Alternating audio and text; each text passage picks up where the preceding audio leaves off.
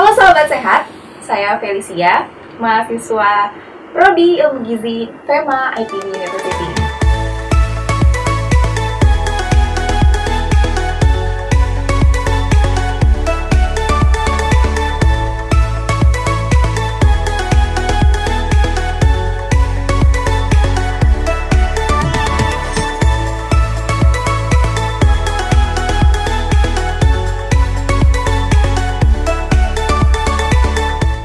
Sahabat sehat, pada episode yang lalu telah kita bahas ya tiga diet paling dianjurkan, terutama untuk pengendalian berat badan, sekaligus untuk pengendalian kolesterol, gula darah, dan tekanan darah.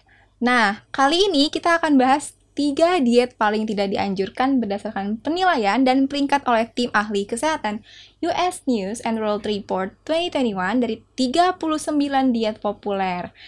Nah, oleh karena itu ikuti sampai selesai ya cara ini karena kita akan diskusi dengan Prof. Hardin apa saja tiga diet yang paling tidak dianjurkan. Oke, baik Prof. Apa kabar Prof hari ini? Baik, Vel. Vel gimana? Baik sekali tentunya. Nah, untuk memulainya nih Prof, tadi kan sempat kita sebut nih tiga diet yang paling tidak dianjurkan. Nah, tiga diet paling tidak dianjurkan itu diet yang mana aja sih Prof? Oh, oke. Jadi kalau kita dasarkan pada US News and uh, World Report 2021 itu kan dari 39 diet populer untuk penurunan berat badan dicoba dibuat peringkat nih. Mulai dari yang ter Baik. baik paling dianjurkan, kemudian yang 39 itu paling tidak dianjurkan. Kalau kita ambil tiga terbawah itu eh, yang paling bawah itu namanya Dukan Diet. Hmm, Pernah dengar nggak ya? Jarang, ya. jarang ya. Jarang. jarang. Tapi eh, Bapak sendiri tuh 10 tahun yang lalu sudah eh, baca eh, buku Dukan Diet. Oh, Jadi sudah ada. 10-15 tahun lalu sempat eh, populer menyertai Atkin Diets ya. Atkin Diets jauh sebelumnya lagi ya, sudah 20 sudah seperempat abad kayaknya kalau Atkin Diets. Iya. Kemudian yang ke 38 peringkat dua terbawah itu kayaknya pernah dengar deh tuh? Keto, bukan? diet, Keto, ya, betul keto kan. diet. Itu nama ini kayaknya sempat heboh ya di Indonesia dan banyak mulai penganutnya ya beberapa tahun yang lalu. Kemudian yang tiga terakhir berarti level 37 ya. Iya, ya, betul. 37, 38, 39, 39 dukan, 38 Keto. keto. Kemudian 37 namanya GAPS diet. GAPS G Gaps. A P Apa itu S. gaps? Gaps. G itu singkatan eh, dari gut. Gut. Ya, eh, pencernaan. ya. Kemudian E itu A N N. dan, ya. Dan. Kemudian P psikologi. Kemudian S sindrom. Jadi kalau di EJ itu G A P S GAPS. Ya, Gaps. GAPS. GAPS diet. Ini juga kayaknya di Indonesia nggak pernah dengar ya, kecuali barangkali ada orang-orang eh, medik tertentu ya. Karena ini memang dikembangkan khusus untuk yang ada masalah eh, gut ya, gangguan cerna. Ya itu Oh. tiga tadi. Oke, baik, Prof. Jadi diet gaps, keto dan dukan. Iya. Nah, oke, Prof. Ini kalau misalnya keto kan emang sudah sering sekali kita dengar ya, Prof. Hmm. Mungkin sahabat sehat di rumah juga sering banget dengar tentang keto diet. Nah, dan juga lagi hits juga nih, Prof, di Indonesia. Sedangkan gaps dan dukan itu dietnya jarang atau eh, mungkin Hampir nggak terdengar hampir ya. terdengar ya, Prof ya. Benar. Nah, sebelum mendalami lagi nih, Prof, tentang diet gaps dan dukan, Mhm. dah, em, saya boleh tanya nggak, Prof? Pendapat Prof, apakah wajar atau tidak sih tiga diet tersebut dikategorikan sebagai diet yang tidak dianjurkan untuk penurunan berat badan? Wah, pertanyaan cukup berat ya. Tapi eh, kalau kita gunakan suatu eh, patokan untuk menilai eh, secara logis, tentunya pertanyaan tadi wajar apa tidak, logis apa tidak, ya Bapak bisa katakan logis, wajar. Itu jadi tiga yang paling tidak dianjurkan. Kenapa? Karena eh, standar penilaiannya, kriteria penilaiannya ada lima ya. Satu, apakah uh, diet tadi salah satu dari tiga itu atau ketiga-tiganya memenuhi teori gizi apa tidak Hmm. ya kan kan kembali bahwa diet itu akarnya adalah ilmu gizi Gizi. ya kemudian kalau penggunaannya untuk berbagai tujuan tergantung kalau untuk jantung tentunya harus juga bekerja sama dengan spesialis jantung mengembangkannya kan. Iya. Kalau tadi untuk misalnya diabetes juga dengan ahli endokrin, spesialis diabetes. Nah, eh, kriteria pertama tadi ya eh, kalau kita lihat dukan misalnya ya, ya jadi eh, ini kan sejarahnya orang dengan diberikan protein tinggi bisa menurunkan berat badan meskipun dia tidak makan sayur dan buah. Nah ini kan bertentangan dengan konsep gizi teori gizi yang kelompok makanan ini perlu dimakan, masalahnya perlu dibatasi, perlu ditingkatkan kan? Benar. Ya, masa sayur dan buah harus absen gitu ya? Iya, benar sekali. Masa kita hanya tergantung pada uh, protein saja gitu? Bahwa dengan protein saja orang bisa uh, menurunkan berat badan, ya bisa. Tapi sehat apa tidak? Sama orang nggak makan juga seminggu bisa turun berat badan, tapi juga akan masalah kan? bisa Iya. pingsan dan sebagainya. Benar, Prof. Nah, itu kriteria pertama. Kriteria kedua, apakah aman apa tidak? Aman ini dalam arti dilihat kaitannya dengan eh, jangka menengah dan panjang. Bukan hanya diet 4 bulan turun berat badan 20 kilo, diet 3 bulan turun 10 Hmm. kilo, itu kan jangka pendek. Nah, jadi para pakar juga melihat gimana efek. Nah, ini kan berarti alasan yang ketiga, ada studi nggak yang mendukung?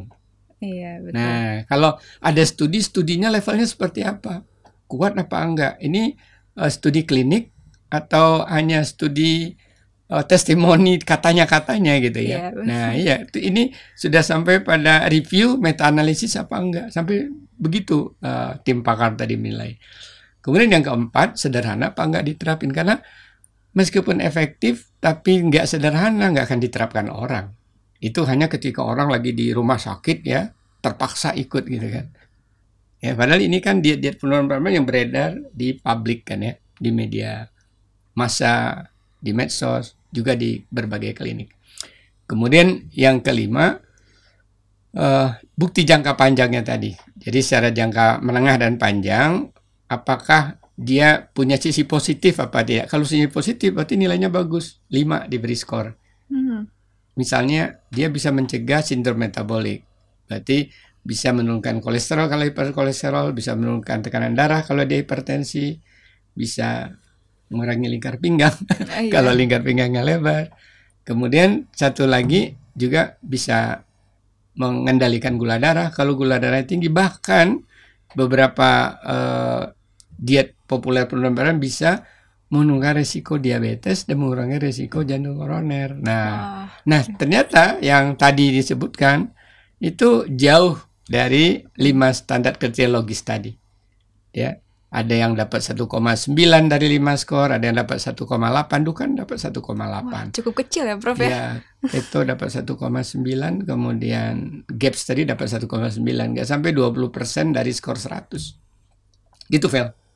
Oke, baik, Prof. Ya. Mungkin kita bedah satu persatu ya, Prof, dari diet gaps. Mungkin, Prof, eh, kenapa nih diet gaps tidak dianjurkan untuk penurunan berat badan? Kayaknya detailnya perlu pembahasan khusus deh ya, karena kita terbatas waktu pada sana. Tapi paling nggak tadi saya eh, saya udah utarakan bahwa GAPS ini kan lahir karena ada gangguan gut ya, Gangguan saluran. pencernaan. Ya.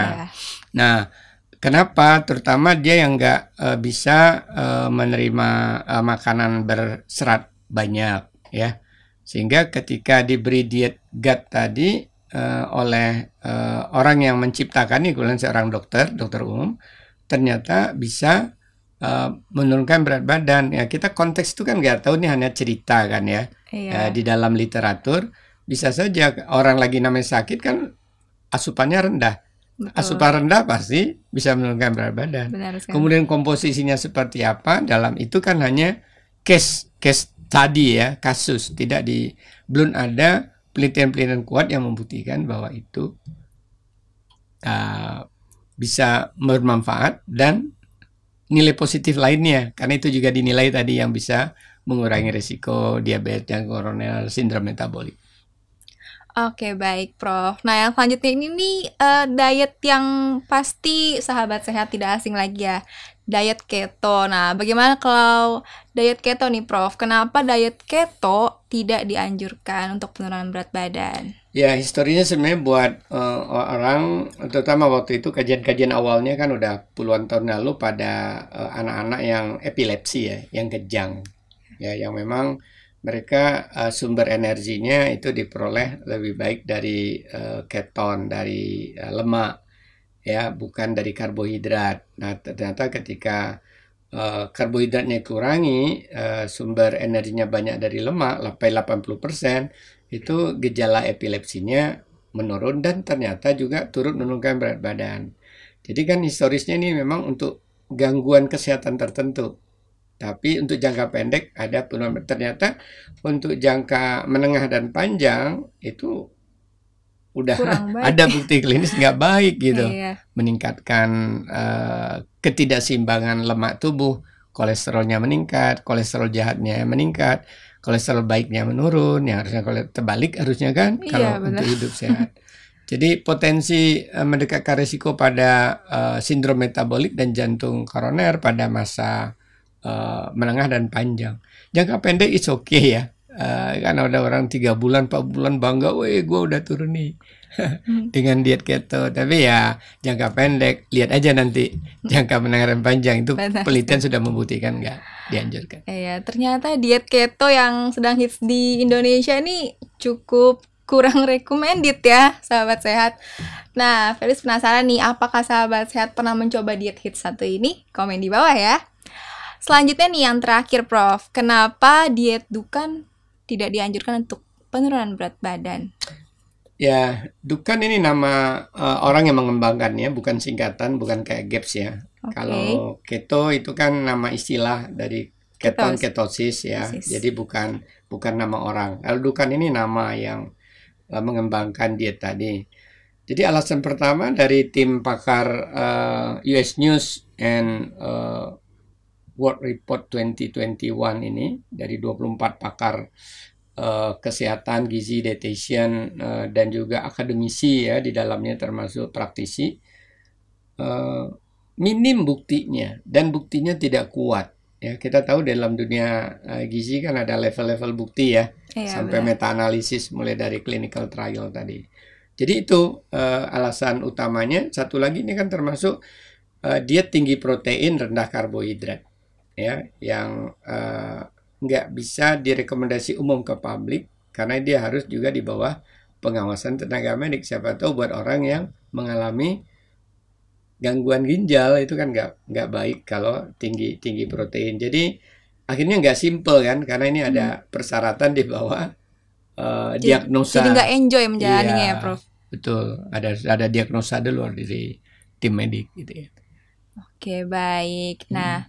Um, untuk memberikan pemahaman lebih nih un uh, untuk sahabat sehat, mungkin Prof bisa berikan jelas penjelasan secara ringkas nih, Prof tentang apa yang kita diskusikan pada hari ini. Oke, topik uh, saya hari ini Feli uh, ajak tadi tiga diet yang paling tidak, tidak dianjurkan, ya. dianjurkan ya. Jadi apa itu jawabannya tiga diet yang paling tidak dianjurkan dari 39 diet populer yang dianalisis atau dinilai oleh 24 uh, eh, praktisi dan uh, pakar di Amerika Serikat di bidang kesehatan yang paling tidak dianjurkan diet dukan itu tinggi protein rendah karbohidrat. Kemudian yang kedua diet keto yang tinggi lemak sampai 80%. Kemudian satu lagi diet GAPS ya yang tujuannya sebenarnya untuk khusus awalnya uh, orang-orang yang mengalami atau pasien yang mengalami gangguan cerna uh, gut and cyclical syndrome yang itu juga tentang bukti-bukti ilmiahnya uh, rendah sekali. Keto untuk jangka pendek, iya bagus buktinya, tapi untuk jangka menengah dan jangka panjang ternyata buktinya menunjukkan tidak baik buat kesehatan, meningkatkan risiko metabolic syndrome dan juga uh, jantung koroner. Oke, baik Prof. Uh, terima kasih Prof untuk yeah. diskusinya pada hari ini. Felis jadi tahu nih, hmm. apalagi uh, diet keto ya yang disebut-sebut hits banget nih di Indonesia. Oke, terima kasih banyak Prof Sama-sama. atas ilmunya pada hari ini. Semoga kita bisa berjumpa lagi di episode Ya, selanjutnya. semoga bermanfaat buat Vel ya Dan- juga buat sahabat Sahabat sehat di sehat rumah. Baik sahabat sehat, ternyata banyak ya hal-hal dan informasi baru yang bermanfaat kita peroleh pada obrolan sehat kali ini. Itulah tadi obrolan sehat kita bersama Prof. Hardin mengenai tiga diet paling tidak dianjurkan di tahun 2021. Sayang banget ya bila informasi bermanfaat ini tidak kita share ke teman-teman, keluarga, serta kerabat kita. Seperti kata bijak, knowledge increases by sharing but not by saving. Nah, silahkan sahabat sehat subscribe dan share video ini agar bermanfaat dan membahagiakan sahabat, keluarga, teman dekat, dan sahabat sehat lainnya. Jangan lupa klik tanda lonceng di bawah agar sahabat sehat menjadi orang pertama yang tahu berbagai video hidup sehat terbaru dari kami. Terima kasih banyak sahabat sehat. Sampai jumpa dengan topik yang lebih menarik lagi tentang hidup sehat dalam keseharian kita. Dadah!